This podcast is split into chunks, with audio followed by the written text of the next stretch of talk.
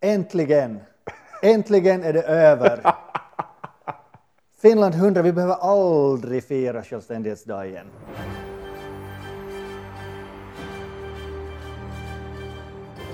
Två nollor för mycket med Peter Törnroth och Janne Ström. Eller hur känner du? Ja, jag, jag känner ju inte lika mycket avog mot detta som du gör. Men jag förstår ju vad du menar. Ett år är en ganska lång tid att fira ett land. Och, eh, och det känns som att eh, det räcker bra nu. Det räcker känns bra så, nu. ja. Ja, ja. Det, det, jag har inget behov av att liksom fira Finland mer Nej, eh, på ett tag. nu är det ju ett, ett år säkert till nästa gång, men, men eh, jag menar den, na, det navelskåderi som har pågått i år, det, det är liksom självdefinierande och, liksom, och, och roende och hopande som det heter av och an. Liksom, vad är Finland? Vem är finländare? Och var, var är liksom, var, vem är vi och varför är vi? Och Allt, det är liksom, här, alltså det var något helt fruktansvärt. Som sagt åkte jag till Estland igår i ett Ja, fåfängt hopp. I, igår var alltså själva självständighetsdagen då Finland fyllde 100 och, och i något slags fåfängt försök att faktiskt komma ifrån alltihop och kanske inte, inte liksom gå under i den här självömkande eller vad fan man ska kalla det, självhyllandet så, så drog vi till, till Tallinn på julmarknad. Men man sitter ju ändå där och liksom kikar igenom Facebookflödet ibland och sådär.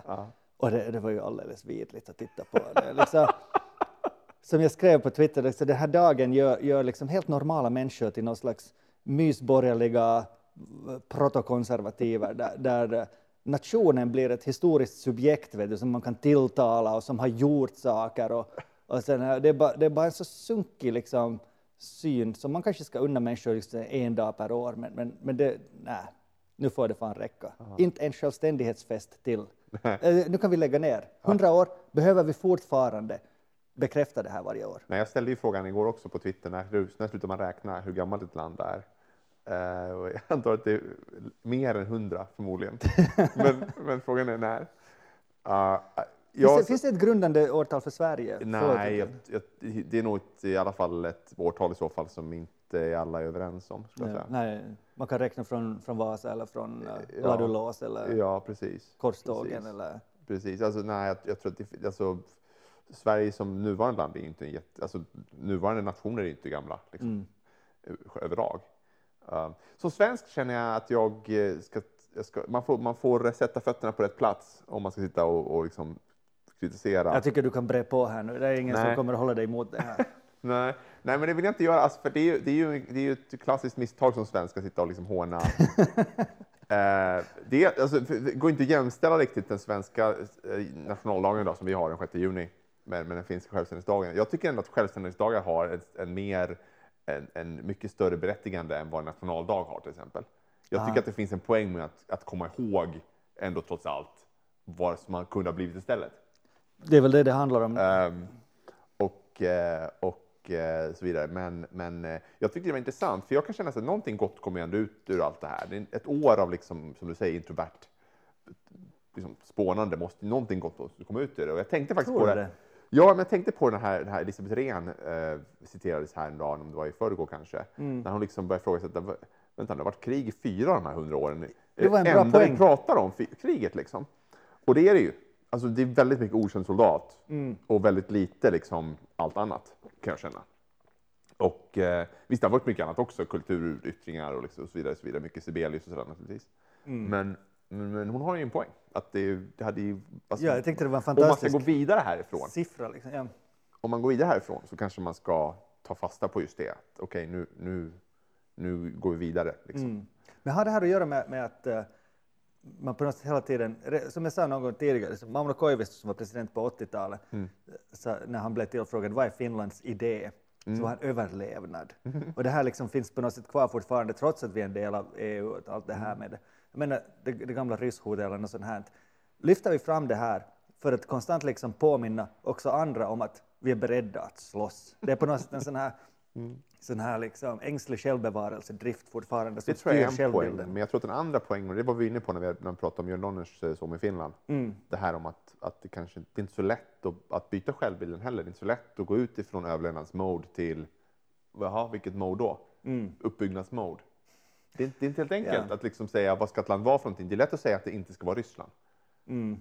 Men, men att säga att det ska vara någonting annat, det är inte, det är inte alltså då får man ju börja, Man försöker väl definiera det som ett, som ett västerländskt eh, europeiskt land absolut. och, och nordiskt, allt det här. Liksom. Med, medan folksjälen, om man får tala om en sån som historiskt subjekt, så, så är ju ändå väldigt, väldigt liksom östeuropeiskt eh, konservativ och, och, och ja, så här liksom nationalistisk på ett helt annat sätt än, än eh, de självklara nationerna som haft kungahus i 800 år, som Danmark. Och sådär. Ja. Jag menar, vi ser det i Norge också, som, som väl firar, är det 1905 eller? Ja, Eh, korrekt. Och den 17 maj som, som sin nationaldag. Eller? När var det unionen med Sverige som upplöstes? Och, Ja. och, och det här, så där finns ju också den här, den här lite samma, samma idén. Men, men inte samma hot kanske alls men om man är med i, i NATO. Om vi redan talar om Nej, det militära är en hot. väldigt, eh, upplever jag det som en väldigt glädjefylld eh, självständighetsdag. det är ju, precis, ja, ja. det var inte via krig man liksom Nej. behöll sig eller, eller liksom ens blev en egen, en egen självständig stat. Utan, utan, eh, i, naja, det fanns väl några i Sverige som jag minns enligt, i någon historiekurs fick jag höra som var beredda att ta upp vapen mot Norge Säkert. 1905 men, men det röstades snabbt ner sen i, i riksdagen att nej, vi kanske inte ska börja skjuta på våra vänner. De har ju ingenting där, tänkte vi förmodligen. Det finns ju ingenting i Nej, det Norge. finns bara berg. Exakt. Ja, vi räknar inte med vattnet där. Liksom.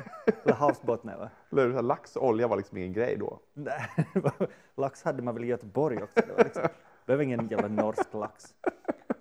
Men, men grejen var faktiskt att så, jag hoppas ju att, att man skulle kunna, kunna komma över den här liksom, krigiskheten. Men, men jag ser inte att, att, det, att det är riktigt möjligt. För det verkar som om folk liksom verkligen njuter av det här. Alltså, Man får vara lite militant, ta fram sin den här liksom värsta sida en gång per år och, och just, just liksom förfalla till den här tribalismen och, och, och, och på något sätt det här, oh, oh, du, vi är beredda, igen Igår, bara. igår eh, jag satt ju och kollade på, stirrade på TV som, som Mm. halva landet gjorde naturligtvis, eh, på den här skakningsceremonin. Men innan det, 3,6 miljoner människor. helt sjukt.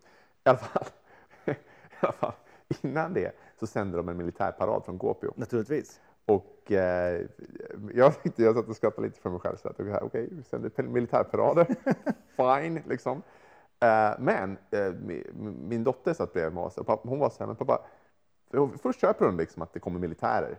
Det sa, ja, ja, det kommer militärer. Det är väl så det händer. Men sen börjar hon liksom fråga sig, ska det bara vara militärer i den här jävla paraden? Just det. Liksom. Inga färgglada ballonger eller... Finns det inga andra, nej, finns det liksom inga andra yrkesgrupper som skulle vilja vara med i den här paraden? Det är bara militärer. Det är en jättebra fråga. Visst är det en jättebra fråga?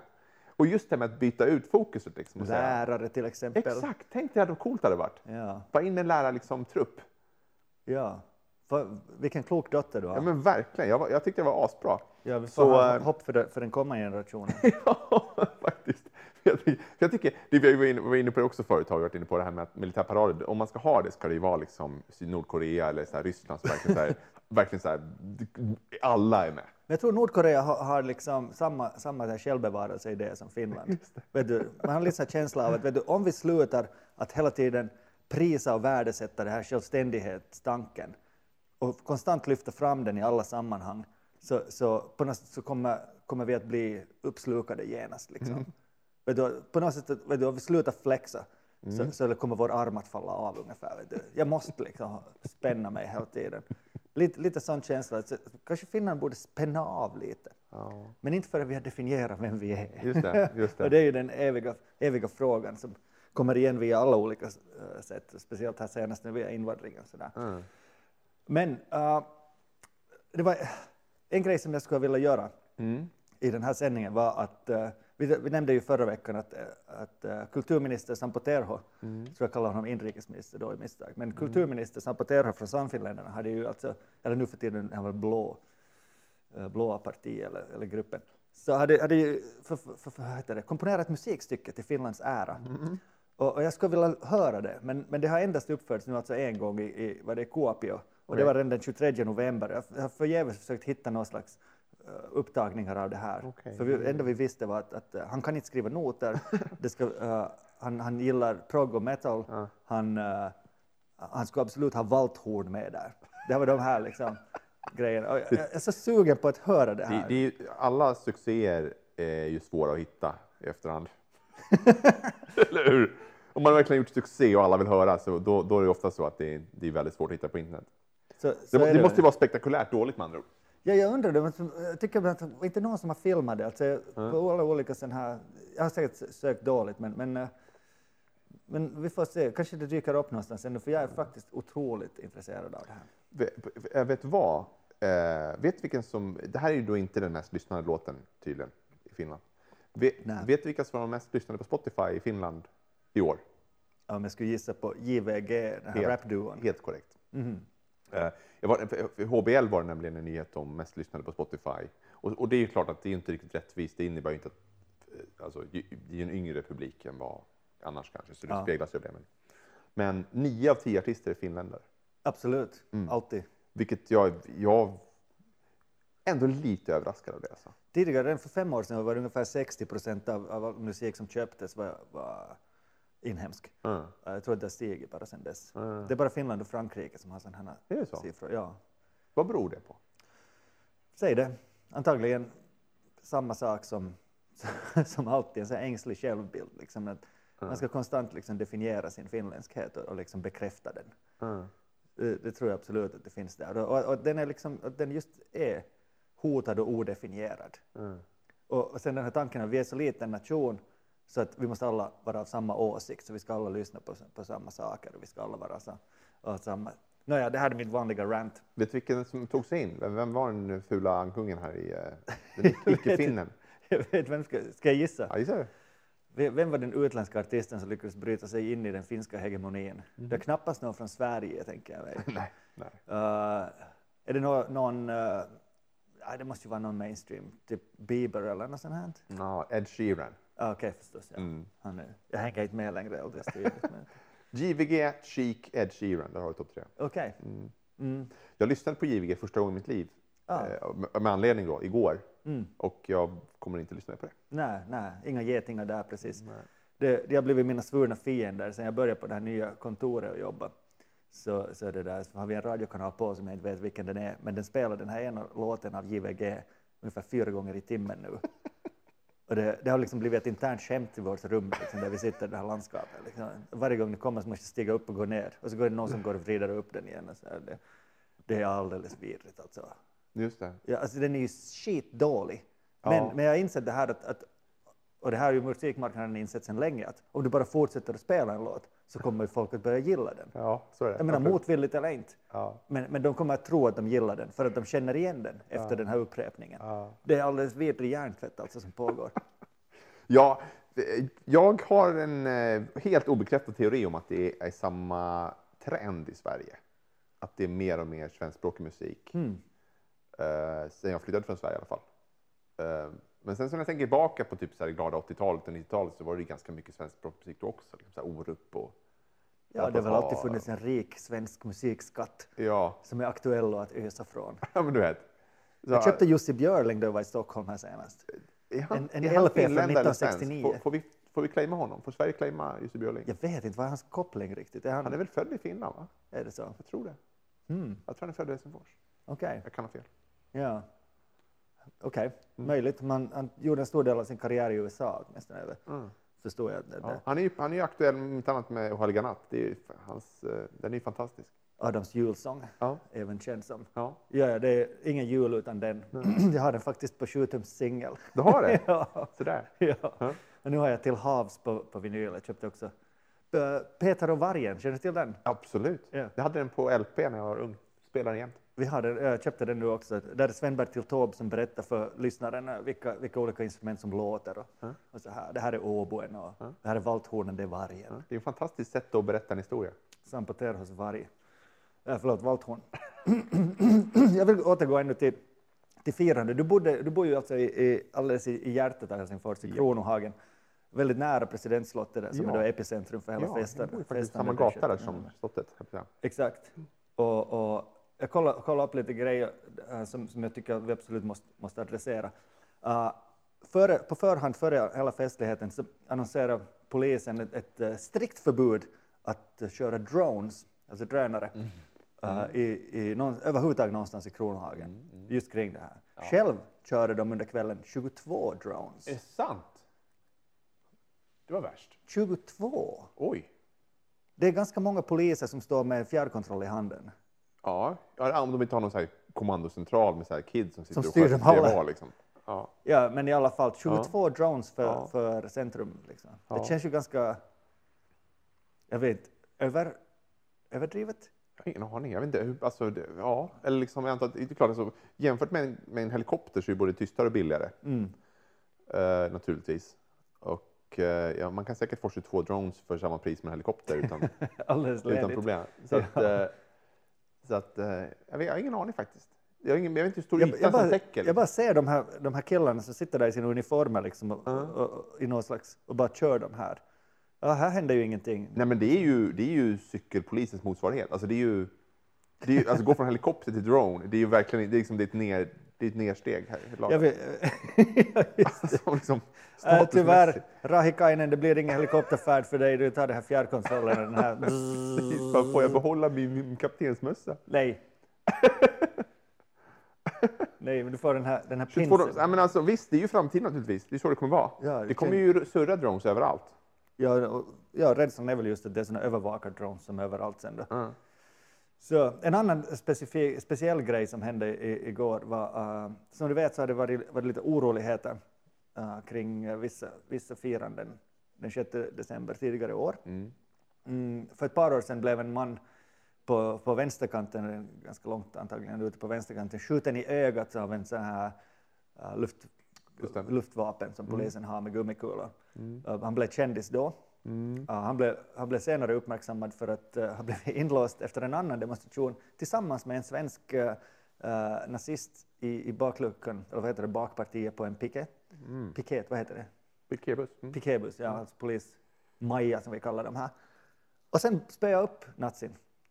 Polisen hade gjort ett misstag och satt in liksom de här två i samma, samma och sen bara lämnade dem. Och den här, den här killen hade då spöat upp den här svenska nazin rejält. Oj, oj, oj. Fick lite kändispoäng då. Nu, uh, för att förhindra sådana här misstag, så hade polisen i förebyggande syfte arresterat honom redan på eftermiddagen igår. Han hade, kommit hem, han hade kommit hem från butiken med, sina, med mat, matpåsarna, liksom, matkassarna i handen och så, där stod polis, två civiler och väntade på honom och sa ah, du, vi har, det är dags att, dags att gå, gå dit. Jag ska ta, ta en tur till, till Dickorsbyhäktet här Men nu. gud vad sjukt. Så kan man inte Ja. göra. Så kan man inte göra. Nej, visst verkar det lite, lite konstigt, men det här är ju den här magiska trollformen med stöd av polislagen Ja, Okej. Ja. så kan man göra i stort sett vad som helst. Just det. Ja. Ja. Så, så där satt han då till två på natten.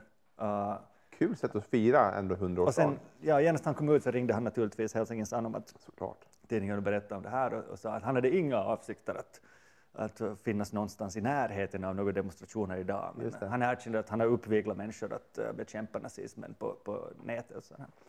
Uppvilat. Så ja, ja, ja, jag tyckte det var ganska, ganska spännande. Jag måste säga så. att jag, jag missade lite grann hela den här nazigrejen. Det var ju det jag läste egentligen. Det är de här, de här svenskarna som inte fick gå på båten i Mm. Stockholm.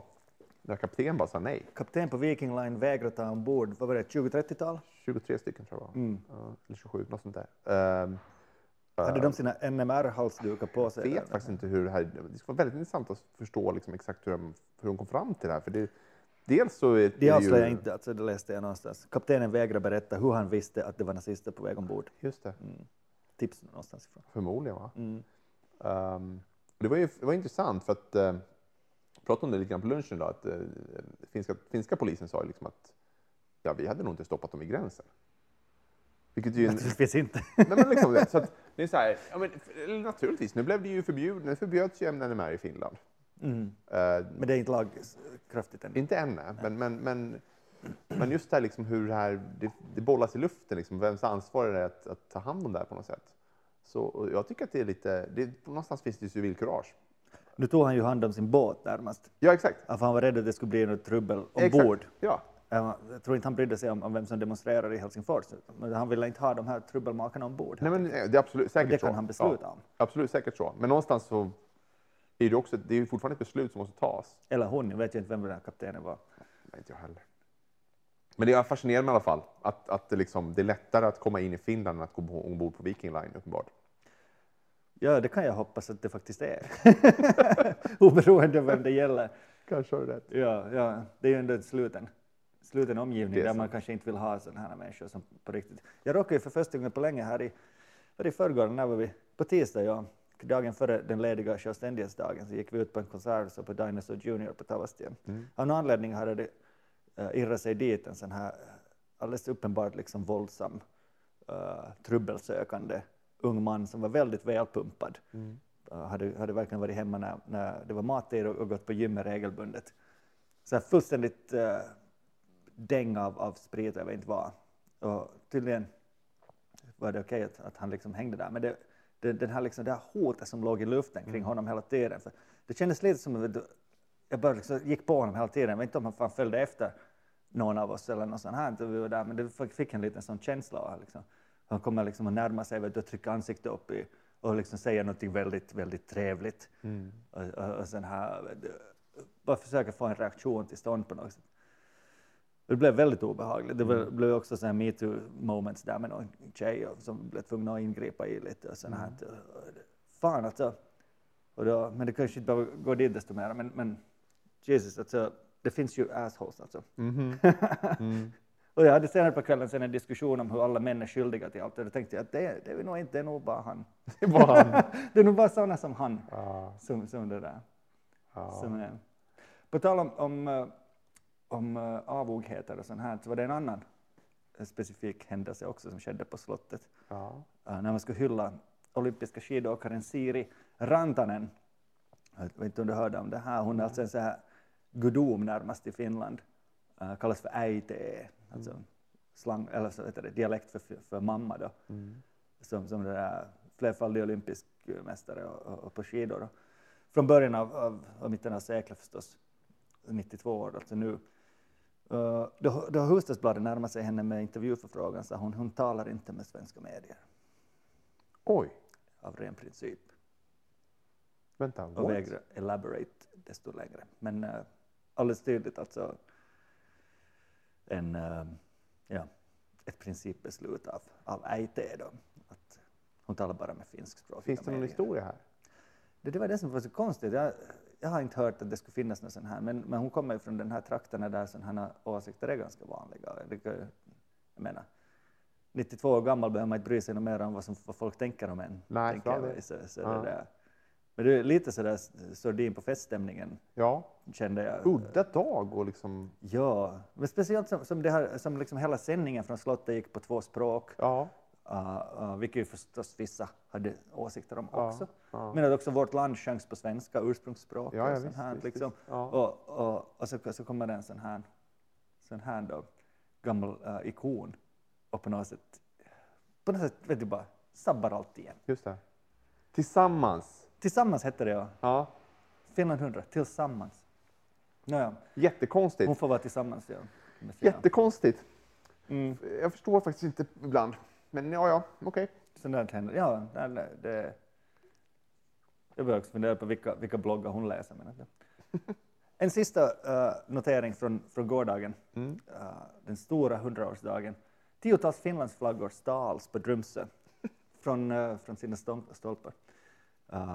Stora, stora, eller stor förtret förstås för dem det, det drabbades. Ja. men det där, mera än, det där. En konstig grej, för det skedde alltså på väldigt eh, begränsat område. Och, det hände ju att en eller annan flagga stjäls, men det här var ju systematik alltså. Mm. Någon hade varit och plundrat Finlandsflaggan. Det är ju väldigt konstigt. Jag tycker vi kan spekulera i hur, eh, vad det här innebär. Ja. Eller om man hittar dem på nätet på till salu snart. Jättekonstigt. Mm. Ja, ja. Det kan vi konstatera. Inte mer att säga om det. Nej. Liksom. Nej, Nej annars, jag, vet inte. Alltså det, jag måste säga, det går inte, en dag som igår, det kan ju bara bli ett antiklimax i den meningen att vad ska man göra? Fyrverkeriet var imponerande. Jag såg, jag såg det inte live, men på, på skärmen då. Det smällde Till tonen av sin Finlandia. Ja, men visst. Sibelius. Men, men ändå så är det ju liksom som att man får liksom, alltså, allt ska in på något sätt. Alltså alla de här, åh, titta hur många i världen som hälsar till Finland. Mm. Så skulle det varit i Sverige också, jag vet vi är exakt likadana. Så fort någon nämner ordet Sverige i Sverige och alla bara, det var någon som pratade om oss. Nu var det så här Meryl Streep och, vet, och så här, alla de här som liksom går Det var ju det, ja. Hello, hello Finland, you're Precis. great. Ja. Och de Men- försökte få tag på Matt Damon, jag undrar om de lyckades med det någonsin. Just det, han har ju finska rötter. ja. Vad heter det? Vad jag funderade på, det var, jag såg ingen från Ryssland. som gjorde det. Ingen hälsning från Ryssland. Jag såg ingen, eller kanske det var, jag bara hittade ingen. Liksom. Jag såg ingen. Jag svårt att tänka mig att Putin inte skulle skicka en hälsning. Månne inte han gjorde det. Jag tycker jag läste det det? på Twitter att Okej. han, hade, Ja, han hade skickat någon slags, men kanske inte en videohälsning då. okej. Ja. Så han är väl full färd att planera ockupationer. Han, är, han, är han, ska ju, han ska ju ställa upp i presidentvalet, han annonserade det igår. Det är sant, Mm. för att täcka över den här skandalen att eh, Ryssland är uteslutna ur OS. Helt otroligt. Det är ju helt otroligt. Det var en stor nyhet. Det är en jättestor nyhet. Och eh, modig nyhet tycker jag. Alltså IOK, det är ju inte helt självklart. Nej, Eh, men ändå jag menar, alldeles, alldeles väl underbyggd. ja, visst. Om jag fattar rätt så skulle ryska idrottare få vara med om de inte har ryska flaggor. Visst var det så?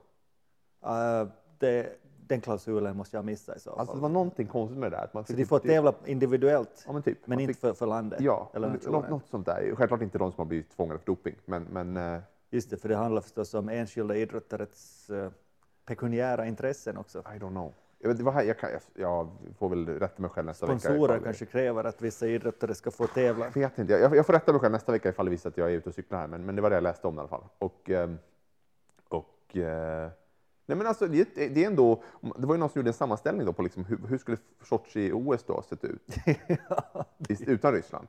Och det är ju så att de tar inte en medalj, de tar ju hur många som helst. I Sochi tog de ju rätt många. Ja. Ja. Och, och då liksom, om de alla de medaljerna ska fördelas om, det är liksom så här, stackarna som kom fyra liksom. Mm.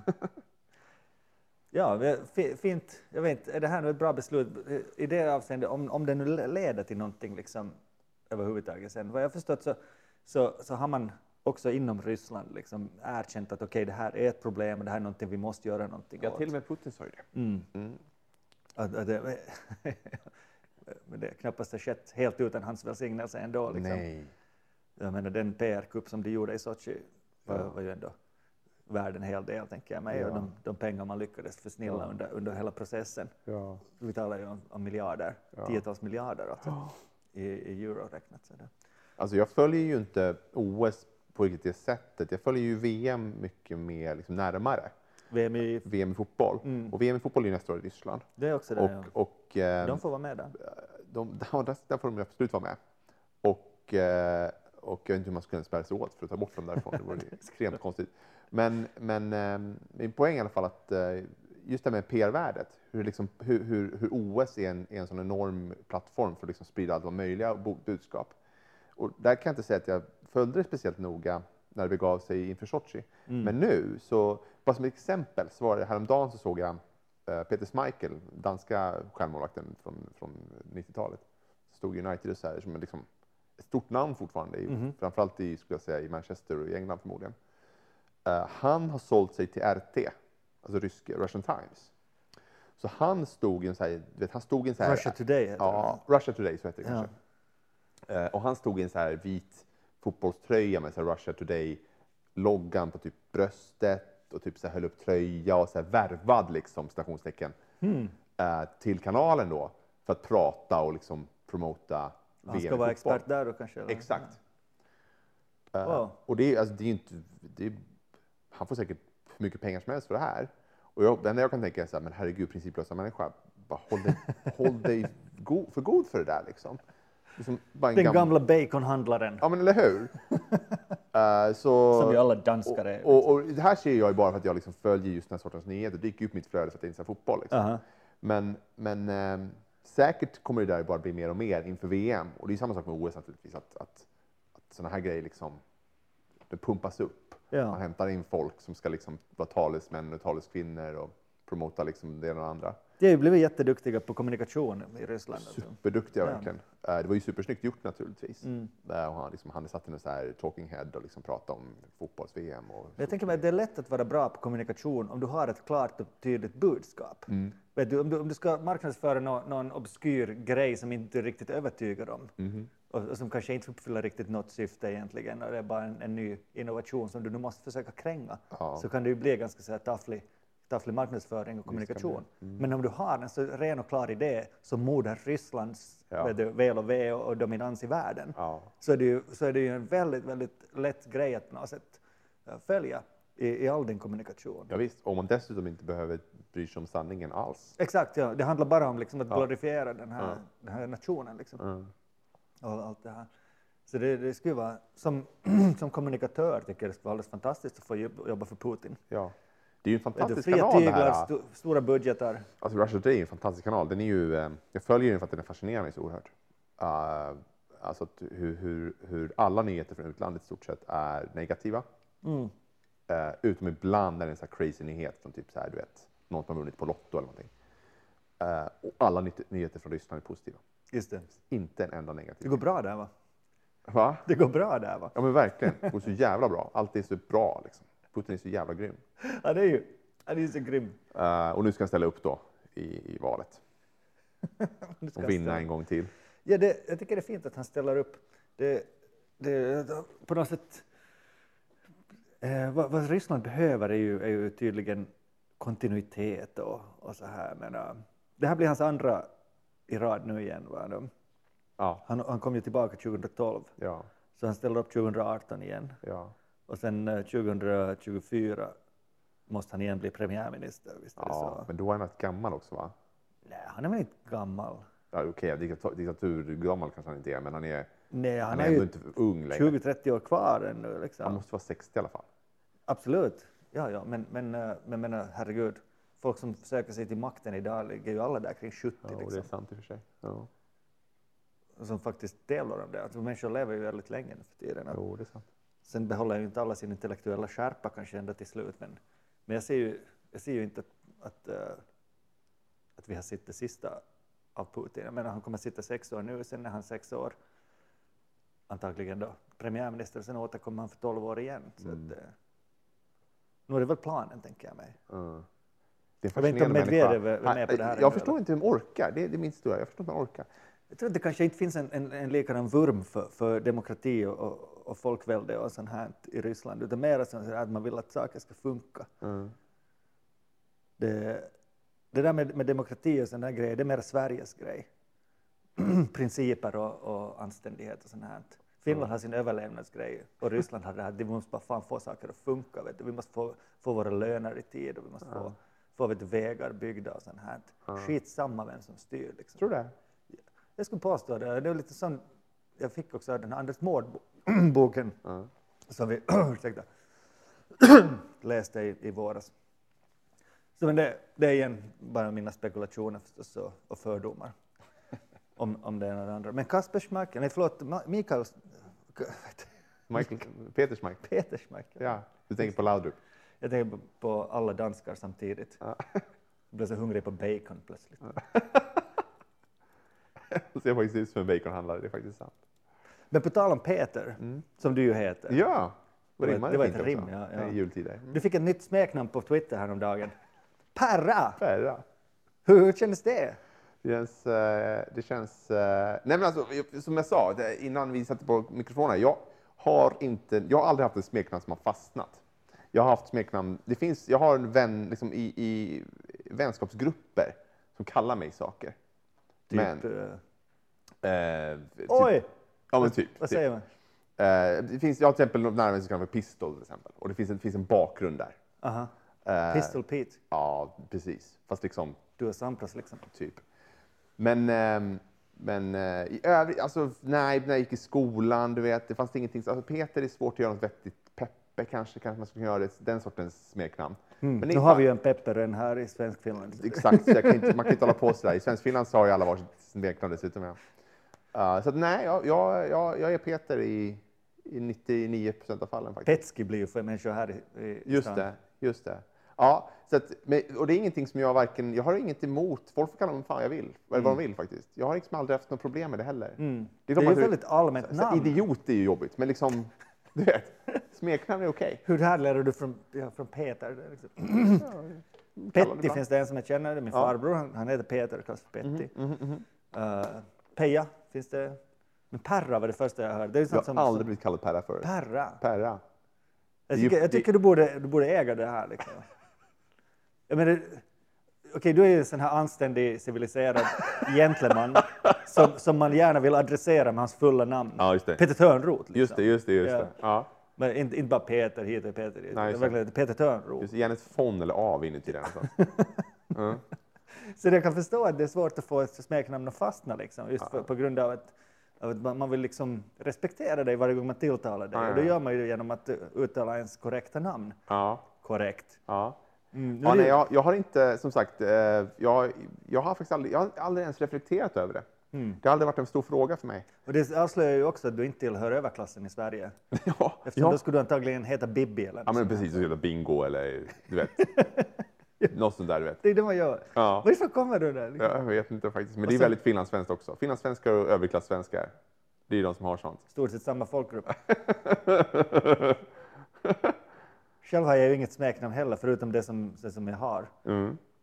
Uh, som, som sagt, jag heter ju Jan egentligen. Ja. Ibland har jag övervägt att ta tillbaka det liksom, i bruk. Ja. Det är väldigt svårt att ändra på människors... Uh, Jättesvårt, ja. Man måste byta sammanhang. Man måste till det. sammanhang. Mm. Ja. Det, det har jag faktiskt känt folk som har gjort. Att de liksom har haft eh, ett smeknamn eh, och sen så har de valt, till exempel när vi var på universitetet, att liksom valt att jag vill bli kallad det här istället. Mm. ja, precis. Så där kan man göra. Ja. Jag hade en, en Eh. kompis från Danmark också, jag tror han hette typ just Peter eller Thomas eller något sånt Mm. som bytte, bytte plötsligt till Isak. Just det. Ja. Det var, för mig var det inga problem, jag kände inte honom så sen länge, men hans andra kompisar som hade vuxit upp med honom tyckte det var jättekonstigt. Ja, det, blir jättekonstigt att kalla, kalla någon för ett helt annat namn. Ja, men då, jag tror att det, det följdes åt av en sån här uh, ny livsstil också, vet du, där, där man blev så mer andlig och, Just det. så här. Ja. Man kan ju byta namn när man byter religion. till Isak är ju faktiskt bibliskt. Det är Jag känner en kille som hette Anders, Ja. sen blev han ortodox och bytte till Andreas. Det, det kändes ju lite som sådär, Vänta, Andreas är väl inte ens bibliskt? det Eller, blir, väl man tror ju ingen- bara att man har stavat fel liksom. Finns, det finns väl inte ens någon liksom Andreas? Andreas finns, finns väl eh, på ortodoxa sidan som en av de här helgonen. Är det så? Jag för mig Ja, det. ja, okej. Ja. Ja, men det verkar, nej, jag håller med. Ska man byta får man byta på riktigt. Ja, exakt. Ja. Lite som, som han som hette Johan Hitler, bytte till Tryggve Hitler. Det här ska ha liksom, trumvirvel. Ja. Ja, eh, Donald Trump eh, kallar sig Donald J. Trump ju. Ja. För att få den här, just den här uh, distinguished gentleman-känslan. Sant. Ja. Ja. Lite Och- som och Harry ju som- S. Truman. ja, men alla gör ju det. Hillary Rodham Clinton plötsligt. Vet, man ska liksom... Det är ju hennes maiden name. Då. men, men vad jag menar är bara att hon var ju bara Hillary Clinton när Clinton var president. Ja, jag tycker hon borde ta tillbaka Rodham helt och bara droppa Clinton. Ja, det är faktiskt- det det borde hon ha gjort efter Lewinsky-skandalen. Det kanske, ja, det är sant faktiskt. Mm. Då skulle hon ha varit president idag. Tänk om Lewinsky hade hänt nu. Då hade hon inte varit, då hade det varit annat ljus på Lewinsky. Mm. Det tror jag också. Vet du vad essay Harry S. Truman står för? Nej. Ingenting. Det är bara en fåfänga. Jaha, Det står, han har bara lagt till det. jaha.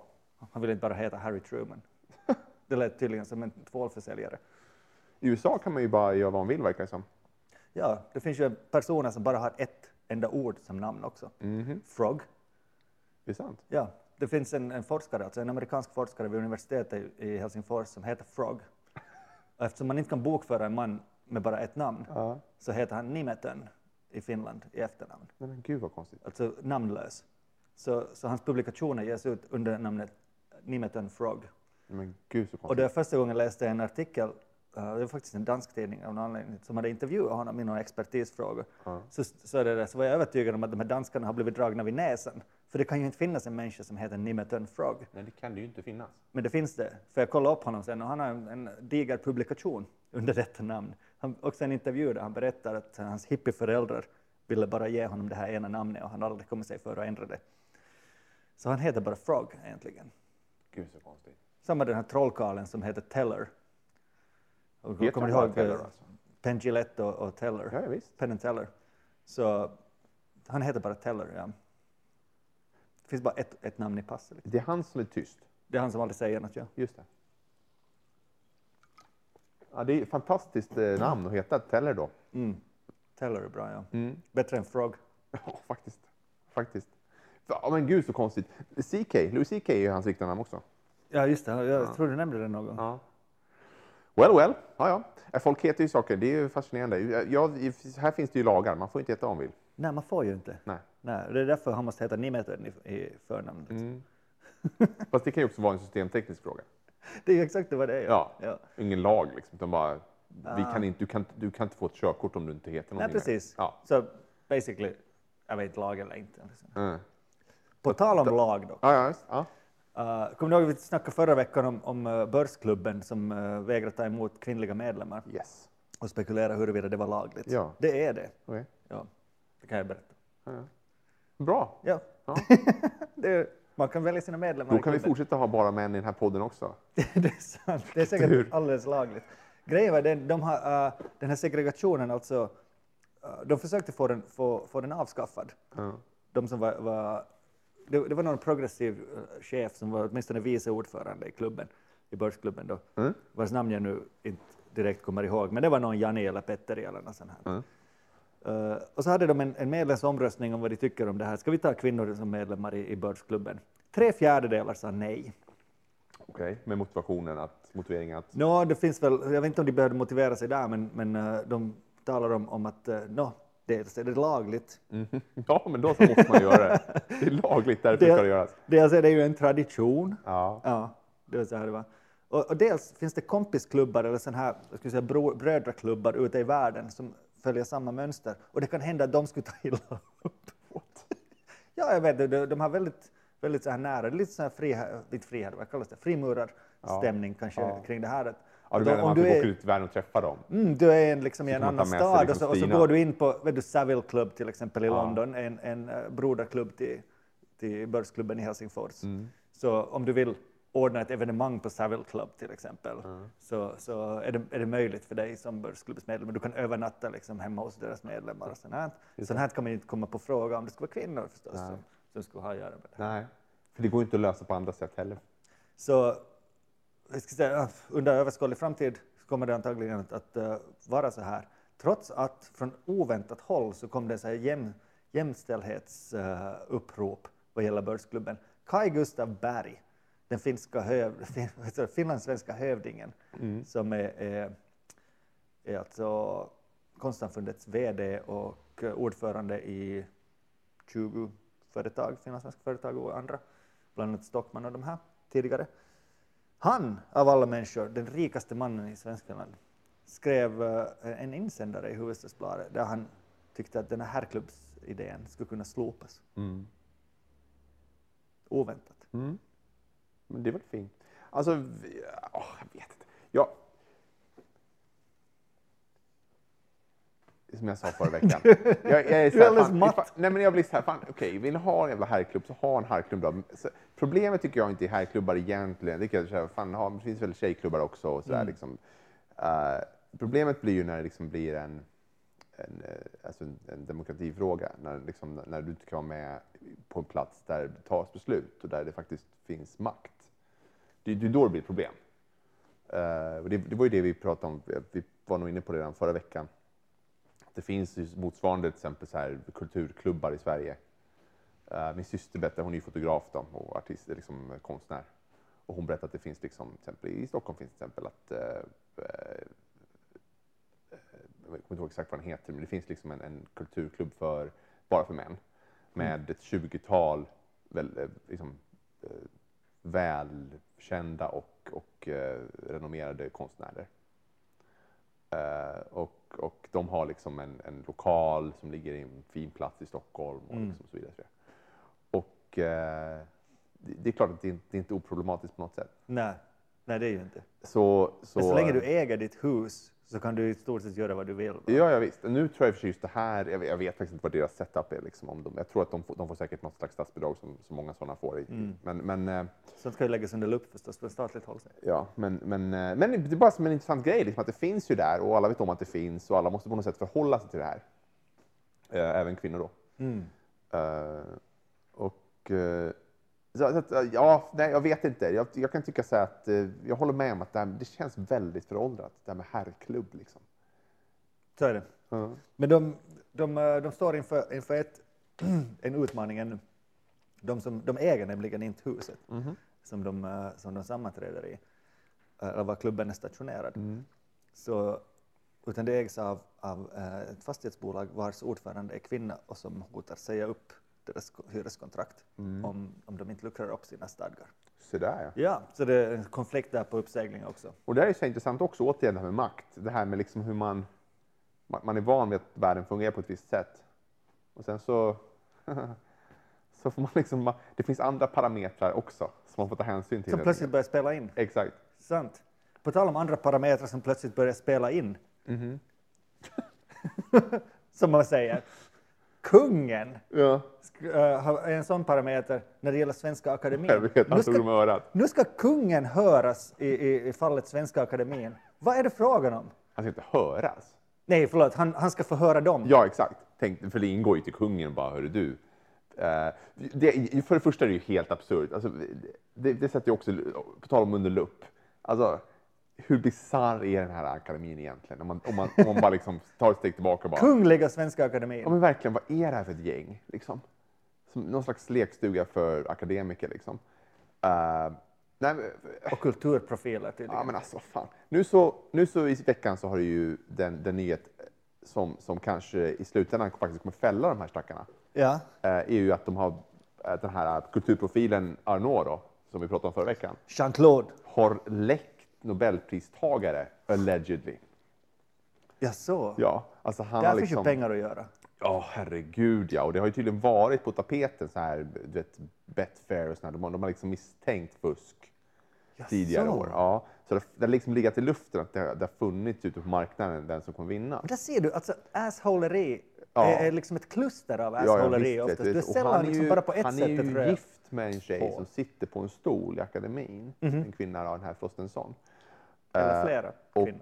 och, ja, nej, men alltså hon, precis, det är nästa nyhet liksom. Men, men eh, och eh, då, och då sitter, hon sitter ju i skiten kan man säga, ifall det visar sig att det här är sant.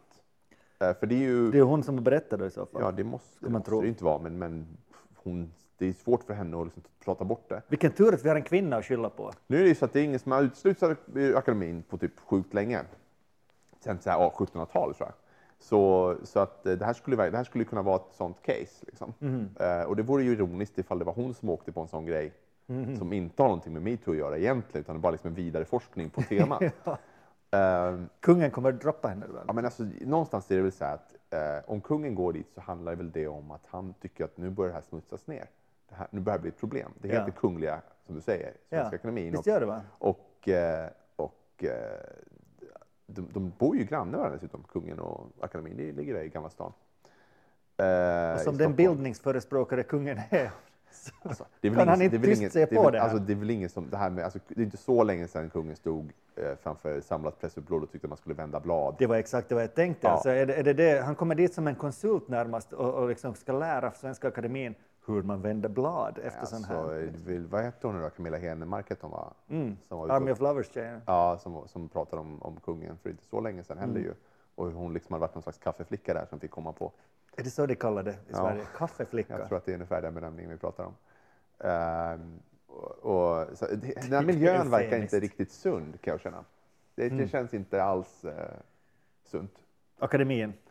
Ja, men hela, Eller- den där, hela den där liksom, just, just det här med kvinnosynen och hur, hur just så här herrklubbs-vibbarna och nej, det, det, är inte- det känns inte rimligt. Så det, jag, alltså han, jag har inga illusioner om att han kommer dit och bara nu ska vi hålla en lektion i genusvetenskap, liksom, utan det här är, det är det han kommer dit för. Ja. det är liksom, kom, det handlar ju om att ta med örat och säga att fan shape up liksom. Nu, det här, det här, nu är det, nu är det tvätt, tvätt av varumärket som gäller. Ni måste respektera genus. Vad tyckte du om min, im- min impression av kungen? Tufft va? Ja, nej, men det är ju fantastiskt. Kan det, är ju, eh, det är ju verkligen, det, det bara spinner, ju- det spinner ju vidare. Det är ju, nu, nu, det är ju, alltså I Sverige verkar det ju inte ta slut heller, eh, allt det här med metoo. Hmm. Eh, och inte någon annanstans heller, på säga. Nu åkte ju Franken också i USA, Sant ja. uh, vad det verkar. Säkert med god orsak där också. Jo, Den gamla del, men, men, men det är ju inte jätte... Det är inte jättelångsökt att tro att han åker för att om han inte går kan de inte klämma åt den här Moore. Nej, eller de andra. Och om de inte klämmer åt Moore så vinner Moore. Så är senaten förlorad. Ja, precis. Så det är så här Det är ett fint politiskt spel, ja. Exakt. Ja. Alla de rätta anledningarna. Det är lite synd för jag hann faktiskt bli lite förtjust nu när jag följt med amerikansk politik väldigt mycket under de senaste två åren. Här. Liksom Den här Al Franken som, som den demokratiska senatorn. Han verkar ju skarp. Han är ju alltså otroligt bra och, och säkert tänker jag mig. Kanske han har skärpt sig under senaste år. Men, Mm. att, men eh, gamla laster Gamla laster, ja. ligger, ligger en i, i fatet. Mm. Något annat roligt på gång i, i Sverige? I Sverige? Ja, Eh, någonting vi borde känna till. jag vet inte vad skulle det vara i Sverige. Ingenting har hänt där medan vi har firat självständighet? Eller? Kent Ekeroth blir frikänd. Jaså? Ja. Eh, Järnrörs Ekeroth? Järnrörs Ekeroth blev frikänd av hovrätten för den här incidenten på krogkön eh, i förra året. Just det. Eller förra året var kanske inte, tidigare i alla fall. Eh, och eh, han blev ju dömd i tingsrätten för misshandel. Just det, han slog till någon? Enligt eh, den som, som eh, anmälde honom, ja. Eh, och det finns ju, på, finns ju på video också. Okej, så inte Eh. bara enligt den. Nej, eh, han var ute med sina Säpo- Säpo-livvakter. Ja, krogen inte så bra livvakter det. Jag vet faktiskt inte. Han, är, alltså, han verkar ju vara en, han verkar vara en, problem, problem, problemsökande människa. Mm. Men som jag förstått så den samlade pressen ändå, åtminstone den, eh, den normala pressen, har krävt att uh, Åkesson nu måste dumpa honom trots allt. Ja, han, han har ju, vad jag förstått, och det här är ju så- också så här rolig stilhistoria, hur, hur, absurt klimatet är i Sverige just nu. Det var vad som hände var att, okej, eh, först började man spekulera, han blev frikänd. Och då spekulerar folk i, om, okej, vad, vad kommer hända med honom nu? Kommer, kommer SD ta in honom, fortsätta med honom i justitieutskottet? Kommer de liksom göra någonting annat? Eh, då kommer det upp en nyhet i det här Samhällsnytt, den här avpixlat, eh, Ja, det är det nya, Ja. avpixlat ja. Samhällsnytt. hette det inte så? Sam, jag tror det är Samhällsnytt. Mm. Eh, den nyhet o- om att han kommer att inte vara med i justitieutskottet, han kommer att lämna sin uppdrag där. Eh, det här citeras av Sveriges Radio. Ja, Att här, Samhällsnytt säger att. just det. Då får Sveriges Radio enorma mängder skit för att de citerar Samhällsnytt. Mm. Det vill säga, liksom, ni ska inte citera jag var skräptidning. Liksom.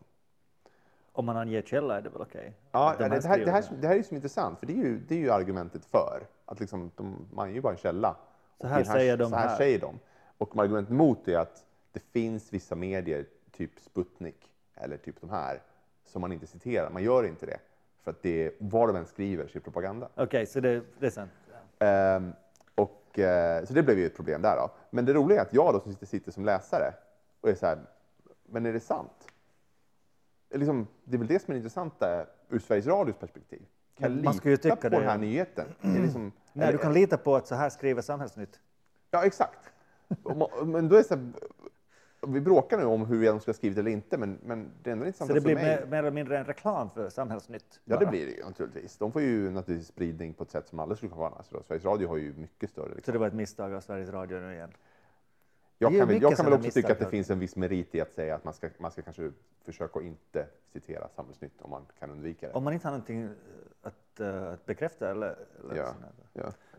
Väldigt det blir, ja, Jag håller med dig. Det blir Men det, det hände i alla fall och nu så, och nu så kommer det ut en ny eh, eh, nyhet i veckan att eh, opinionsundersökning, om det var igår eller förrgår, där de tappade mer nu. De tappade 3% till. SD. Ja. Så nu, eh, nu är de på 14 procent den här i opinionen. Okej. Vilket är ungefär vad de fick i valet för, för eh, fyra år sedan, eller tre år sedan. Och bara nio månader till valet nu. Ja, nu börjar det brännas. Mm. Man skulle kunna ställa till med en valbaby här nu. Tänker, eh, samtidigt är tre partier uh, och nosar på 4 spärren. Mm, det är ju också speciellt. Och- Fol- Folkpartiet, Miljöpartiet, Miljöpartiet och KD. och KD. Ja. Och där, där är ju framförallt Li- Liberalerna, då, Folkpartiet, eh, eller Liberalerna som inte nu, eh, det är ju lite nytt. De har ju väl känts safe liksom. Ja, de hade ju den här nya loggan som ser ut som en kuk. Ja, ja. Det var Eh, ju fräscht. ja. Jag vet inte. Alltså det, det, det är en absurd situation. Men det, Tänk- här är ju, det här är ju en kommunikationsgrej. Alltså det, här, det är ju exakt vad det är. Det här är ju liksom en failure to communicate, som Aha. de säger i, i Shawshank Redemption, tror jag det var. Uh, vad, vad jag, är... jag tänker på Civil War med Guns N' Roses, men man har olika Ja, referenser. men det är därifrån taget. Okej, ja. Anyway, Ja. samma källa. Du har bara fått den halvvägs in. Vad jag höll på att säga var det att eh, det är liksom otydligt. Miljöpartiets budskap är otydligt. Ja. KDs budskap, vad de vill göra med samhället, är jävligt otydligt. Ja. Också Liberalernas. ja. Eller är det så att, att deras substans i politiken bara är så, så liksom ogillad? Det har jag svårt att tro. Men är det inte också att här, Miljöpartiet eh, har ju liksom flörtat med alla konstiga liksom extrem... alltså Miljöpartiet, de är, där tror jag också bara att det är så här att alla bara, men what's the point of the, verkligen, vad är poängen med parti? alltså, du vet inte, ni du har, vet ni har, inte har vem du du regeringsmakt, det händer ingenting liksom. Exakt. Vad är ens poängen med det? KD, vem bryr sig om, om liksom, om kristna värderingar? Liksom, är- va, tydligen under 4 procent. Ja, ja. Om det är det som är Liberalerna, deras tror jag, grej. Liberalernas fall har en känsla av att det, de lider av att de är så himla, de är så himla mittenparti att liksom, Ja, hur kan du vara liberal och mitten? Det är det, du ska ju, I så fall ska du vara liberal så ska du ju fan vara liksom, verkligen ute på kanten ja, och, och kräva liksom privatisering av, av eh, jag vet inte, kungahuset. Där är ju Centern. De alla rösterna. Centern är ju det Mm. Centern. nyliberala. Centern är nyliberal i Sverige. Ja, Ja, det är lite som vänster är höger i Danmark. exakt. Fantastiskt. Ja. Oh, jag kommer att bli så gråhårig för att jag blir klar med det här valet. Alltså. På tal om Danmark, Mm. en annan fin nyhet. eh, De, de funderar på att eh, sätta asylsökande på öde öar i danska skärgården. Det här har ju ventilerats i Finland också. Mm. Men av, av liksom, riktigt extrema människor. Och eh, nej, det här var ju liksom minister som stod och funderade på det här. Just det. Och, eh, och eh, det är fascinerande för det var så här intervju och hon är så här, ja men eh, ja, vi funderar på saken och det finns ju eh, det finns ju praktiska problem med det här. Man bara, ja, Ja. det var i och för sig inte det största problemet med Eventuellt praktiska. principiella och moraliska också. Ja, men hon sa det också, och det kan ju också finnas mänskliga rättigheter att ta in. Ah, i, man är det. så här, det, kan, det, kan, det kan finnas sådana också. Det, ja. Mm. Jag menar, säkert har du rätt tydligen att behandla människor som, som kommer oinbjudna till ditt land hur du vill. Ja. Det har vi ju sett i Tjeckien och Ungern. jag, och jag, jag, och jag fascineras av, sån här, av retoriken, för jag, jag tänker så här, okej, till och med om, om det nu är så att man... Eh, för det var också en nyhet från Sverige igår, eller om det var idag. Så här, Vellinge är ju en kommun i Sverige som är känd till stor del i Skåne då, eh, känd till stor del för att de just är väldigt invandringsfientliga. Mm. Eh, De vill inte ha några invandrare, de vill inte göra no, ingenting, liksom, inte ha någon, någon. Och nu har de Bara bestämt då- bleka bönder. Ja, men du vet, nu har de bestämt att, att eh, de ska liksom sätta högre krav på, eh, på invandrare då, för, för att få liksom stanna. Högre krav. Ja, men du vet, man ska, man, då måste ska man liksom sätta sig i skolan och man måste, man måste klara av så här, svenska för invandrare och så vidare. Och, så Mm. vidare. Eh, och jag tänker så här, men hur fan ska man klara det om man sitter på en öde ö? Du menar, liksom- du, du menar att det kan bli problem med integrationen och assimileringen? Ja, men precis. Alltså, liksom, jag förstår Om inte man hur jag bor på en öde? Jag får, inte, jag får inte ihop liksom de två tankarna. Alltså, man kan inte sätta folk på en öde ö och sen bara ett halvår senare bara hoppas ni integrerar nu. Annars får ni inte stanna. Det blir jättekonstigt liksom. Ja, jag vet, alltså det första jag tänker när den här ö-diskussionen kom, det fanns ju också för, för, för två år sedan i Finland när den stora vågen kom av invandrare. Eh, eh, vissa människor som tyckte att de skulle inkvarteras på Viking Line-färjor i hamnen och inte få stiga i land. Ja. Ja. Och, va- men den första tanken är ju kanske inte just då att, att, att de är där för att lära sig finska eller danska eller något sånt här, Mm. utan för att, för att helt enkelt hållas koncentrerade i läger Mm. så att man sen kan liksom kollektivt lösa det här problemet, Mm. eventuellt slutgiltigt. Ja, okej. Börjar du, börjar, du, börjar du känna av den här retoriken här liksom? Jo, för all del. Jag, jag håller med om att det är samma, samma, det är på samma skala, men det, det är fortfarande bra bit från varandra. Ja, jag vet inte, Tjeckien och Ungern tycker jag att, att det har varit ganska obehagliga bilder som har kommit från de här lägren där invandrare har koncentrerats. Mm. Där, där de besprutas med kallt vatten och, och liksom, de kastar in mat dit Det, över, det över muren. inte, de det är inte överraskande. Jag tror också att det är... Det Snart måste de börja jobba gratis och, och antagligen donera sitt hår också. Eller Det, ja, just. Precis, usch. Sen Men finns det, ju eventuellt sätt för dem att betala för sitt uppehälle genom att ge upp sina guldplomber och sånt här. Just det, just det. Just det. jag Alltså, tycker vi börjar vara ganska farligt nära sådana här grejer. jag, som jag håller med om att det är, det är, ju, det är ju avhumanisering, det, absolut. Det är Absolut, det. Ja. Och det vet man ju att det Du ser på det som ett problem, som, som Mm. liksom någon slags avskräde som måste hållas borta från samhället. Ja. Liksom. Ja. Absolut. Absolut. Jag, jag håller med. Jag tycker att det är helt galet att en minister i Danmark står och pratar om det här. Jag- För mig är det helt absurt. Att de inte, att de inte hör sig själva när de säger det. Bara, Vadå placera folk på öar? Vad är, vad är det för idé? Liksom? Ja. Nu finns det ju redan ett, ett, ett, långvarigt eh, läger för, för invandrare på Räfselöj uppe i, i norra Amager. Ja, det är inte en ö i och för sig, utan det är, en, det är bara, det heter så, Räfselöj. Det var därifrån som också den här uppfinnaren Madsen åkte ut med sin, eh, med sin ubåt. Så att, och det är också där jag har inkvarterats uh, under, under en, eh, en tur till, till, till Danmark. 2002 när vi var med aktivister och Just det. övervaka EU, Just det. Just det. EU-toppmöte. Det är en gammal flyktingkoncentration. Ja, jag ska kanske inte kalla det för en, ett läger. Det var ett, ett här hus som ser ut som en skola där människor liksom, Mm, mm. inkvarterades. Men nu var det tomt så där fick aktivisterna vara där istället. Men-. Ja, jag menar, folk interneras ju när de kommer på ett eller annat sätt. Ja, såklart. Så, så, så liksom, vad, det, vad, vad, vad är till för den här ö-aspekten till det här, tycker du? Jag håller bort, håll borta från andra människor naturligtvis. Mm. Naturligtvis. Så, att, så att man inte syns i samhället. Det är så att de inte knivmördar folk höger och vänster. Det måste ju vara argumentet. Det, det är säkert, ja, det är säkert det. Ja. Liksom. I sin absurditet. Grattis Danmark! Mm, 800 år av civilisation och det är vad vi har. Vet du vem som kommer lösa det här slutgiltigt för oss ändå? Din dotter? No. Nej, hon är för sent ute. Eh, AI. Aha. Kommer att göra sig av med alla människor, tänker Ja, jag herregud ja. Vi, det, nu har Google alltså byggt AI, som har byggt egen AI, bättre än människor kan bygga AI. Cool. Ja, så att, Skynet är snart här då. ja, ja. Absolut. Absolut. Tillsammans med den där backflip-roboten som den här Boston eh, Robotics har byggt. Oh, Eller hur? det var lite skrämmande. Den var lite skrämmande ja. Ja. Eh, tillsammans med det så tänker jag så här att eh, liksom, vad, ska de med mig till? vad ska de med? Tänk dig liksom en, så här, en så här artificiell intelligens som ger sig ut på internet och bara, nej men jag behöver ingen mer. Nu, det här sköter jag själv nu. ja.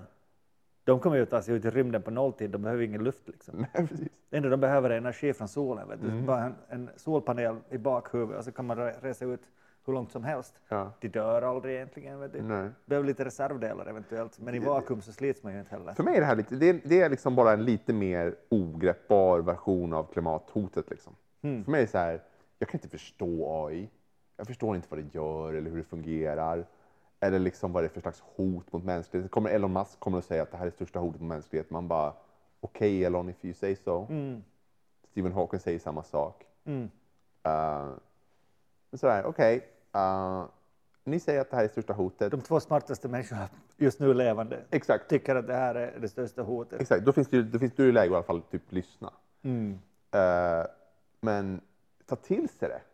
Bara, hur gör man det på ett vettigt sätt? Ja, men det skulle väl innebära att du på något sätt måste i så fall aktivera dig enligt den sokratiska determinismen som säger att när du vet vad som är rätt så måste du agera i enlighet med det. Okej. Så jag tror att du bara din hjärna bara undflyr det här ansvaret från att göra någonting mot det här. Du Men du förmodligen är ju inte Arnold Schwarzenegger eller Terminator, så du kan ju inte ta dig an Skynet. Men jag är så inte, du bara liksom slår ifrån, din Linda hjärna bara, Hamilton. Liksom. Jag hjärna inte, bara slår ifrån sig det här problemet. Liksom. Det, behöver, vi behöver en Linda Hamilton, det vad vi säger. nu, jag menar, nu är det ju, jag menar, när det kommer till, till det andra stora hotet, vi talar om klimatförändringen, så där kan vi ju faktiskt med vårt eget agerande och sånt här Absolut. påverka, åtminstone få en illusion av att vi kan Absolut. påverka, därför kan vi på något sätt inkorporera det här problemet i vår vardagliga tänkande. Mm. Men ett så abstrakt problem som du talar om, alltså, alltså med hjärnor som teknologiska hjärnor som skapar nya teknologiska hjärnor, Ja. som, som kan skapa nya teknologiska hjärnor som är ännu bättre och bättre och bättre, Ja. antagligen exponentiellt. Ja.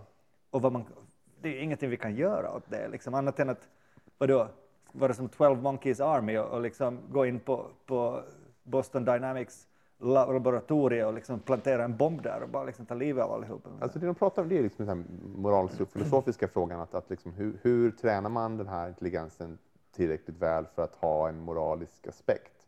Att se på oss som någonting annat än dagmaskar. Och liksom, Som sina vänner. Ja, men eller hur? Men någonting som man måste ta hänsyn till. Eh, det finns ju klassiska liksom, så här, eh, hur man tränar en robot. Det klassiska, en robot får inte döda. Eller, eller don't harm a human being. Liksom. Det, det är liksom regel ett. Mm. Sen bygger man på det. Clarks tre regler. Va? Ja. Eh, men här liksom, alltså min, vad jag läser liksom att okej, men då, man måste liksom träna, det, det är mycket större än så. De måste, det, måste, det, det är inte längre liksom en mekanisk binär fråga, utan det är en fråga om moraliska, liksom, de, de kommer att, de kommer, det kommer vara liv. Mm. Och de kommer se på oss som, som otroligt underlägsna varelser. Och hur, hur beter vi oss mot underlägsna varelser? Rätt så väl tycker jag, om man tittar på senaste 200-500 åren. Jo, jo, men det tog en stund att komma dit. Eller hur? Ja, Så, jag, så evolutionärt så känns det som tiden är inte på vår sida. mm. Så, så jag, jag, alltså, vad vet jag? Jag sitter här liksom, jag har ingen aning. Min poäng är kanske att jag har ingen aning. Jag bara, jag bara fascineras av det. är liksom så här, det står fantastiskt begåvade människor. Allt det här utvecklas av också begåvade människor. Det gör mig lite ont att det är massa ingenjörer som utvecklar det här, för de har ju aldrig gjort något gott liksom. På lång sikt. Man behöver ju andra människor som går in och, alltså, om, om det sitter en så här hypersmart ingenjör och pratar om vi behöver en empatisk aspekt med de här robotarna.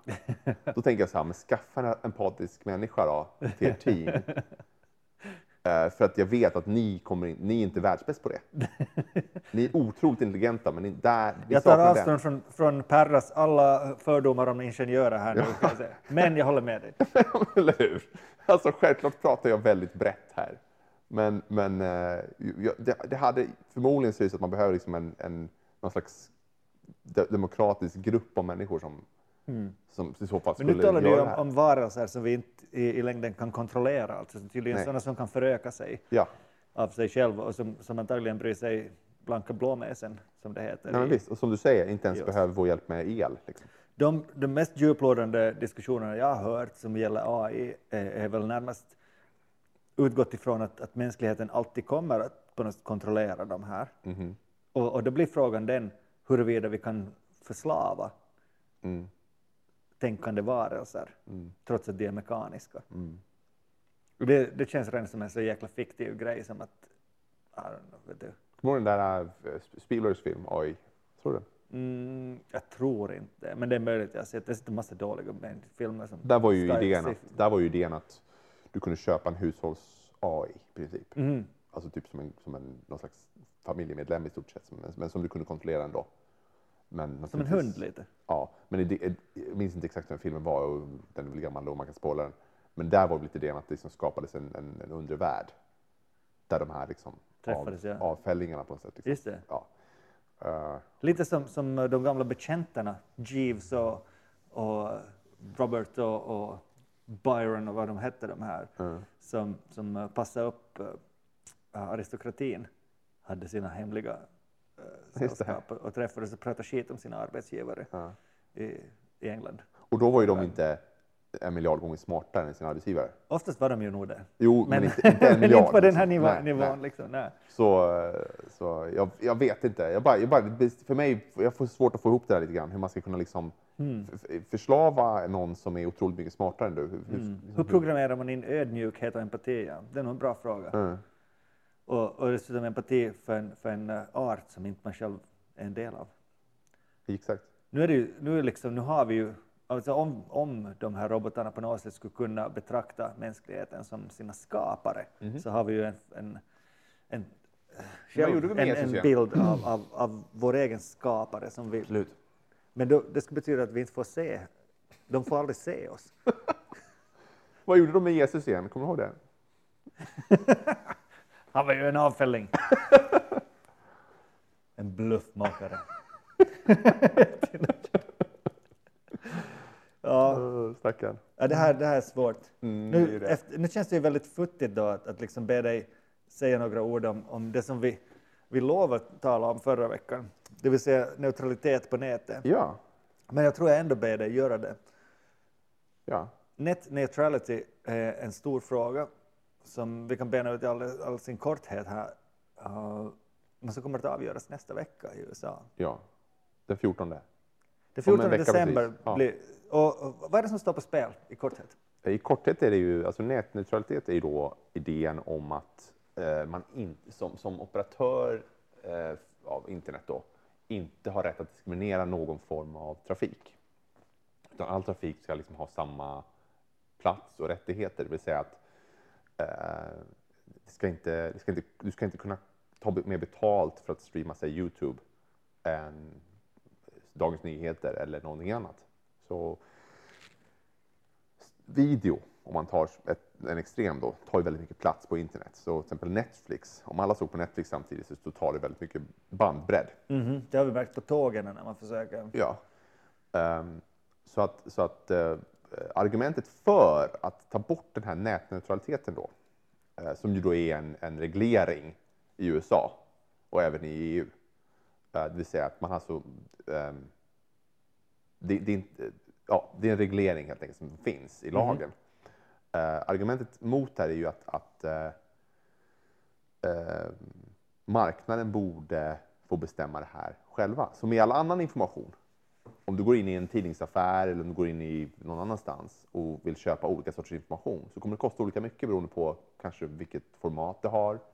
Eh, Kvaliteten. En, kvalitet, en, en, en, liksom en, en eh, inbunden bok kostar mer än en pocket. Mhm.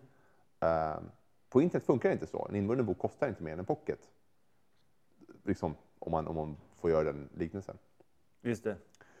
Ehm, också vad man säger, det är att eh, eh, nätneutraliteten då stoppar utvecklingen av tjänster. Eftersom det inte går att få ut mer pengar av en viss tjänst om du så att säga förädlar den, än om du inte gör det. Okej. Eh, Så att vad de menar är att om, om det här inte var reglerat, då skulle man kunna säga att okej, du kan betala mer pengar för Youtube. Och det kommer vara fantastiskt en tjänst som man kan investera i och göra bättre. Eftersom fler kommer att vilja betala för den då. Så det finns liksom en, det finns en, aspekt, en kapitalistisk aspekt, aspekt i det. Just det. Ehm, Förstås.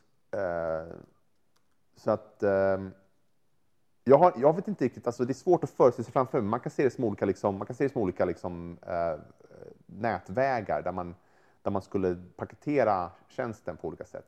Så att du skulle liksom köpa av, av Elisa i, i Finland eller av Telia i Sverige rätten att, att surfa, vilket som jag gör idag. Men om du vill kunna surfa på Netflix och tre andra tjänster av den sorten, då kommer det kosta mer pengar per månad. Just det. Eh, Medan om du, om du väljer att bara till exempel köpa de här tidningarna, då kostar det mindre pengar. Eller surfa inom de här eh, domänerna eller vad det är för någonting. Vad händer med okommersiella tjänster då? Eh, Ja, alltså, det, det, okommersiella tjänster som, som tar mycket ba- bandbredd lär ju dö. Ja. Men också Eftersom- de som tar lite eller? Ja, alltså, Men de va- kommer ju- Varför skulle någon utveckla en sån tjänst ens? Liksom? Du kommer ju inte få, du kommer inte få någon plats på internet egentligen. Vecka.nu. Um, Världens bästa single service sajt. fast den, tar ju ingen, den, den är ju jättelätt. Okej, så den kommer inte att kosta något. Nej. Så det är liksom, där finns det ju ingen information. Alltså, jag vet inte hur många kilobyte. Så det blir lite som med telefoner, att hur mycket man ringer så, liksom, så betalar man då. Eh, nej, så är det ju redan på internet egentligen. Du kan ju... Nej, Jag har ett fast pris med min operatör.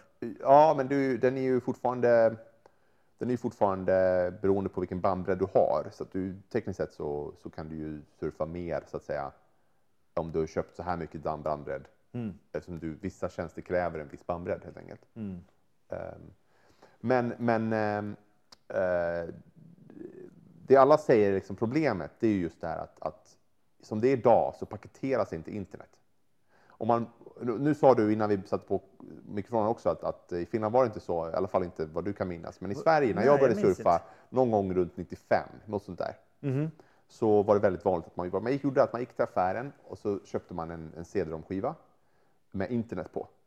En CD-ROM med internet. Ja, och så tryckte man in den i sin eh, CD-ROM-läsare eh, och då eh, tillsammans med ett modem givetvis så kunde man surfa ut på internet och då hamnar man alltid på deras startsida. Så man startade på typ Telias startsida eller vilka startsidor som fanns och därför utvecklades väldigt mycket så portaler på den tiden. Eh, Och de portalerna, för den som var ovan med internet, framstod det som att det var internet. Jag kommer ihåg, jag var, vi var i Tyskland med, med en kompis eh, och hans farbror var helt ovan och ville lära sig om internet. Så han visade honom typ en, typ en sån här portal. Och han trodde att det här var internet. Han trodde liksom att okej, på internet finns det fem tjänster. Just det. Liksom en bank, en tidning, du vet, vad det nu är för någonting. Eh, och, och En här, Pornhub. Här, ja, men precis, exakt. Och, eh, eh, och eh, här kan man verkligen se något liknande komma. Att i dagsläget så definierar ingen åt dig vad internet är för någonting. Du använder internet till det som du tycker att det är lämpligt att använda. Självklart är vi alla på Facebook ändå, men det är en annan fråga. Eh, här kommer de säga, det här är ditt internetpaket. Det, de här tjänsterna är det som ingår. Just det. Och, Och allt annat eh, betalar du extra för. allting annat betalar extra för, alternativt, alternativt tvärtom, att du kommer åt allting, men inte de här grejerna. De betalar du ex- extra för. Är det här en utveckling som, som eh, är att föredra för någon? Ja, för, för, eh, för tjänster som, eh, tjänster som är etablerade och stora och inte kräver så mycket information, till exempel Facebook skulle jag säga. Eh, för dem är det här förmodligen ett sätt att slippa konkurrens. Det kommer inget nytt Facebook med en sån här grej. Om det här slås fast. Mm. Ja. Eh, andra har ju varit emot det här. Det finns ju många som, som tycker att det här är dåligt. Eh, och det är väl framförallt de som, som är väldigt internetberoende men som inte så att säga, själva, typ Amazon vet jag är emot det här. Eh, de vill väl helst, de vill liksom slippa hamna i någon slags situation där de man måste betala för att synas i vissa Ja, operatörers precis. flöde. Liksom. Precis. Netflix är ju jättemot det här. För att Netflix är en sån tjänst som tar mycket bandbredd och Den som tar- garanterat kommer bli dyrare. Den tar 35 procent ungefär. 32 till 37 finns det uppskattningar om i Ja. Nordamerika alltså. Ja. Och det kan man ju, visst, jag kan också säga så här, om de gör det, då kanske man ska diskutera om det, om det är rimligt. Men samtidigt kan jag känna så här, det beror ju på att de är populära. Mm. Det är liksom inte Netflix fel per se, det är ju konsumenternas fel. Nu 36,5 procent säger de. Mhm. Uh, 35-36 är, är uppskattningen. Mm. Det är ungefär samma som andelen porr. Så där ja. Ja. Vad det? tredjedel är Netflix, en tredjedel är porr och resten är Facebook ungefär. Liksom- Gud, mänskligheten alltså. Men eh, vad heter det? Trump är ju typ för det här indirekt. Brukar inte han vara för allt som är skit? Så nu tror jag att jag är emot det här. Ja, men eller, nej, alltså han är ju, han är ju, alltså han har ju satt en, den här, den här organisationen som ska rösta om det här heter FCC. Mhm. Federal Commission of eh, Communications. Communication, just det. Eh, den som sitter på den posten som, som head of, liksom, huvudordförande, han är tillsatt av Trump om jag inte har förstått det här fel. Mhm. Och han är extremt anti nätneutralitet. Just det. Han, eh, till exempel så har många velat att den där 14 december-omröstningen ska skjutas upp och han har sagt glöm det. Eh, så att, eh, Så det blir ett utfall nästa vecka då? ja, På torsdag nästa vecka? ja. Nu ska jag säga att det här är ju bara USA. Mhm. EU har ju inte det. Men, Alltså det kommer inte på det viset att affektera oss här? nej, vad, man, vad, vad jag har förstått, vad som folk är lite rädda för, det är naturligtvis att eh, en del tjänster kan höjas i pris. Till exempel Netflix kan bli dyrare. Det kan det bli och det har det talats om att vissa talar om 40 spänn på, i månaden. Ja. Det har, jag tror, då jag började hade, kostade det väl 8. Ja, Nu är det väl 9, 12. något sånt där. Ja. 10, runt 10 euro. Ja. Men det kan, det kan tydligen stiga alltså med, med hur mycket som helst. Här Och skulle det börja kosta 40 euro i månaden, då börjar man ju tänka så här, vänta nu, är det verkligen värt det? mm, kanske jag köper två böcker istället. Nej, det, Det är så du skulle tänka va? det vet jag fan.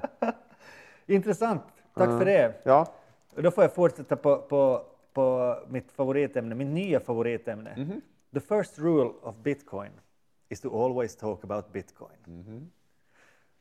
Herregud, alltså, efter att jag första gången nämnde det här, kommer du ihåg att jag berättade för någon vecka sedan att en kompis hade hållit en så här liten pitch för mig, Ja. att nu är det nog dags att investera. Och du berättade att du har hört det här samma skit i två, tre år. ja, ja. ja. Och, och, och det, är liksom, det, det är alltid liksom, är man lite för sent att Ja. investera. Ja, alltså, ja, nu, nu är det nog hög tid att hoppa på det här bitcoin-tåget. Men uppe nu, 12 000? Ja, det får väl vid 10 förra veckan, så det antar att det är 12 nu. Och det där, jag fick den här frågan, en bitcoin alltså värd 12 000 euro eller dollar de mäter det i? Dollar. Ja, så det väl ungefär 10 000, 11 000 euro. Anyway, vi håller oss till dollar. Så, så eftersom det är det första nu, man ska alltid tala om bitcoin. Och då frågar någon av mig, men om det är så bra avkastning på det här, liksom, om det är så fin affär, varför vill, vill man ha med flera personer liksom, och dela på det här? Och det var så här, dude, are you stupid? Det är ju det som hela idén går ut på. Det är ju pyramidförsäljning. Ja, absolut ja. Ju fler du får med, Ja. ju fler som köper, desto mer stiger, Ja. stiger värdet. Det handlar ju bara om efterfrågan ja. och, och, och naja, supply är ju oändlig i och för sig. Så det handlar bara om efterfrågan egentligen. Så Fast nej, oändlig supply är det inte ju. det måste ju vara. Du kan ju köpa hur många bitcoins som helst. Kan du inte? Nej, det är väl inte... Ja, Okej, jag kan det för dåligt. Men jag tror inte att det är endless. Jag tror inte att det är liksom... Nej. Så vem, vem skulle då liksom... Poängen med hela bitcoin är, som alla de här som är övertygade, Ja. nästan troende, Mhm. ska jag påstå, bitcoin-troende, är att det är så fantastisk feature det här att det inte finns en centralbank Mm. eller någon som kan bestämma över priset på den här valutan. Mm. Men det trycks ju inga nya. Du menar att den är, att den är begränsat Ja. antal bitcoins som existerar? Ja, annars varför går priset annars? Alltså, jag, det finns väl ingen, det- just för att det inte finns någon riksbank, trycker inga nya. Så det, är inte det argumentet för, att du riskerar inte att det sitter en riksbank någonstans och plötsligt bara, nu trycker vi liksom en miljard marksedlar och, och alla tyskar bara, "Åh", liksom. Ah, Okej. Återigen, jag, jag kanske framstår för den som vi kan det här som komplett ignorant, så förlåt mig. Samma här. Och jag försöker också uh, försöka kolla vad det handlar om. För, för att så som jag har förstått det så handlar det alltså bara om, om, om efterfrågan. Alltså det, det är inte begränsat på något sätt. Så hur många som helst kan liksom köpa in sig i det här. Och det här värdet beror på att du får fler och fler investerare, fler och fler som tror på det. Och då, då liksom via någon algoritm så beräknar det då ett värde för det. det. Det kan ju inte vara en, vara en ändlig resurs, tvärtom så måste det ju vara en oändlig resurs. Tänker man sig. Vet du, ju fler som köper, desto mer finns det och desto mer blir de värda. Det är bara såna, såna, Okej. jag, jag vet inte om det, är- om det är någon sens ekonomiskt, men, men, eh, men jag tycker om det är så här Ja. så är det ju på väg mot katastrof Ja. i elfart. Ja. Och, och det där argumentet då, alltså, att, eh, att det är en bra sak att ingen styr värde på det. Eh, nu har vi sett alltså valutor skifta i värde på olika sätt under vår korta 30-40-åriga livstid. Och det kan ju, det kan ju också hända liksom att, att en valuta hamnar i ett spinn neråt plötsligt. Som svenska gjorde. orsak- Som Sveriges krona gjorde 92, va? Och, när, och, det där, och då försökte ju centralbanken i Sverige, eller heter det Riksbanken, hejda det här genom, genom, eh, genom att höja räntorna till typ 500 procent och sånt här, liksom, för att inte människor ska casha ut. Och, och det- när, jag menar, I något skede kommer ju bitcoin sluta stiga i värde och börja liksom implodera och, och tappa i värde. Och människor blir i panik, de vill casha ut sina euros från det här, liksom, det här luften de har investerat i i princip. Och när alla gör det samtidigt så, så, liksom, så blir det ju det här spinnet neråt. Och då, om du saknar en riksbankschef som kan reglera värde på den här valutan, då är du i pisse. För då, då startar den raka vägen, liksom, precis som vi såg 2010 aktiemarknaden göra som ingen kunde styra heller.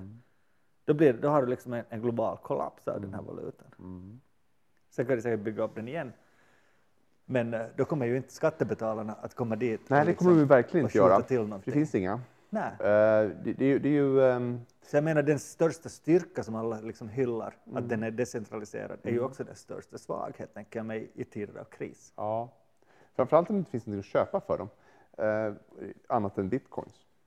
Alltså liksom, det är inte jättemånga användningsområden. Det finns ju, I Finland finns det väl någon automat där man kan hämta ut bitcoins. Eh, Det har funnits på, på vissa skivaffärer och eh, sen på den här Delish här i hörnet av Robertsgatan och Jorisgatan. ja. Där har man kunnat Och liksom skulle det slå brett och det plötsligt finns en användning för det och den är en stark valuta. Du kan åka till liksom olika länder och använda den. Ja, men då kan jag se att det kanske skulle kunna stabiliseras någonstans. Men jag, jag, jag vet inte, alltså, är, det, är det så stor hype runt att folk börjar använda det också till någonting? Liksom? Vi får se. Alltså man skulle, det skulle vara jättetrevligt om, om det skulle funka. Mm. Jag är ju för en, en, eh, en valuta som funkar Just överallt. Eh, Jag vet, kanske det behövs någon som tävlar mot varandra, typ euro, yen och, Ja. och, och dollar och så här för att behålla någon slags rimlighet i världen eller något sånt här. Ja. Så att en global valuta är väl lite samma som, samma som bitcoin då, liksom att du har, det är svårt, svårt att styra det. Mm. Men uh, tydligen så håller pri- priset på att stiga ännu och, och folk tror faktiskt på att det är inom ett år nu. Senast jag hörde den här pitchen så var det om två år är en bitcoin värd 100 000 dollar. Ja. Nu senast jag hörde så var det om ett år. ja. Så, Ja. så nu, nu börjar det börja vara bråttom att hoppa med. Nu. Ja. ja, men exakt som du säger, så låter alla pyramidspel någonsin. Min flickvän fick också en, en där, av, av någon kompis som vanligtvis vet inte hör av sig. Mm. Ett, ett, ett eh, sms. Ja. Det står Åh, det här det funkar så jävla bra. Jag satte in tusen spänn bla bla bla när det var och nu är det värt 1500. Det finns ingen hejd på det här. Eh, köp till exempel 200 i det, 200 i den coinen och 200 i den coinen så, så är du safead liksom. Och, Ja. och så här. Jag, jag säger det här bara för att, och var bara sådär, när kommer tvättmedlet på bordet liksom? Var, var, var, är, var är bykpulvret? Var är liksom, Jag måste ju få någonting i handen av det här.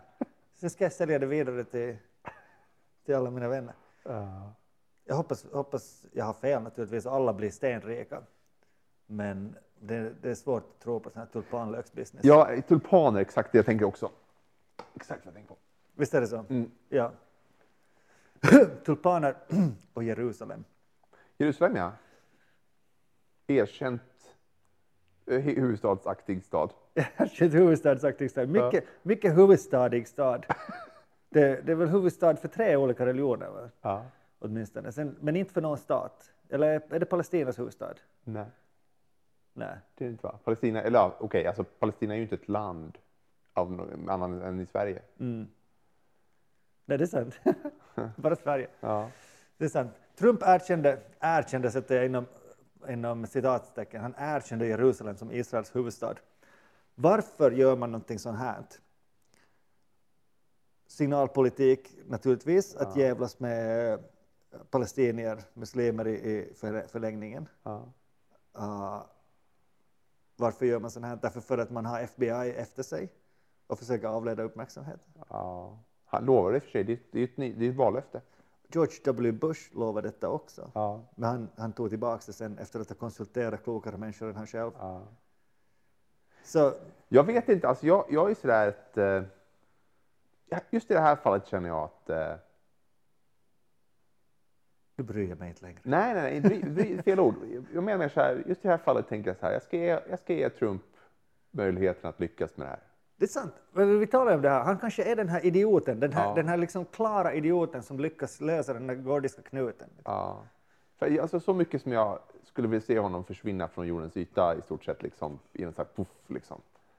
Uh, alltså, och då menar jag inte liksom en bomb, utan liksom bara så här, alltså, han, det var skönt att slippa läsa om den här människan.